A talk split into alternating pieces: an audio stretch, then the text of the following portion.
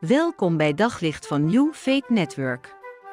Luister elke dag naar een korte overdenking met inspiratie, bemoediging en wijsheid uit de Bijbel en laat Gods woord jouw hart en gedachten verlichten. Vandaag een tekst voor jou uit Jacobus, Jacobus 1, vers 12. Daar staat: Gelukkig is de mens die in de beproeving staande blijft. Want wie de proef doorstaat, ontvangt als lauwerkrans het leven, zoals God heeft beloofd aan iedereen die Hem lief heeft. Gelukkig ben je als je staande blijft in de beproeving. Dat is lang niet altijd makkelijk in jouw christen zijn. Het is lang niet altijd makkelijk om de verleidingen te weerstaan, om niet meegenomen te worden. En het is ook lang niet altijd makkelijk om altijd maar te leven vanuit die basishouding van liefde, Gods liefde.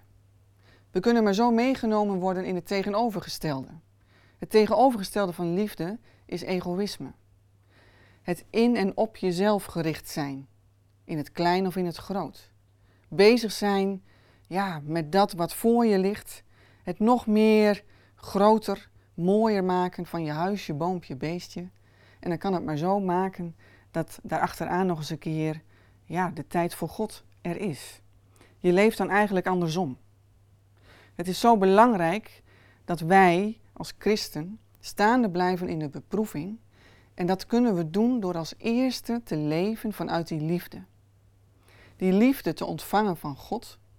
Ook met liefde naar jezelf te kunnen kijken.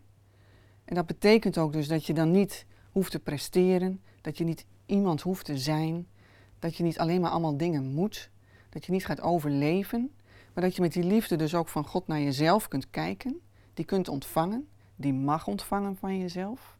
En vervolgens dat weer door kunt geven en uit kunt delen. Die liefde is de basis van alles, ook van jouw christen zijn. Als die ontbreekt, dan heb je eigenlijk niets. Dat, dat lezen we ook in de Bijbel.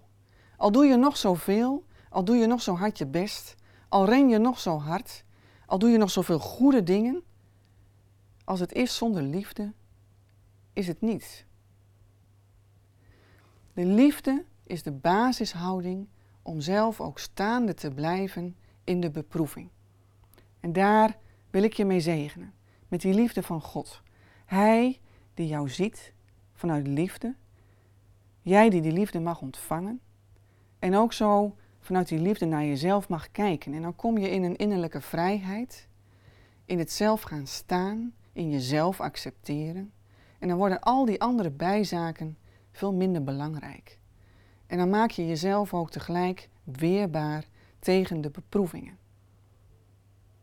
Gezegend ben je, gelukkig ben je, als je staande blijft in de beproeving. Op zoek naar nog meer geloof, hoop en liefde.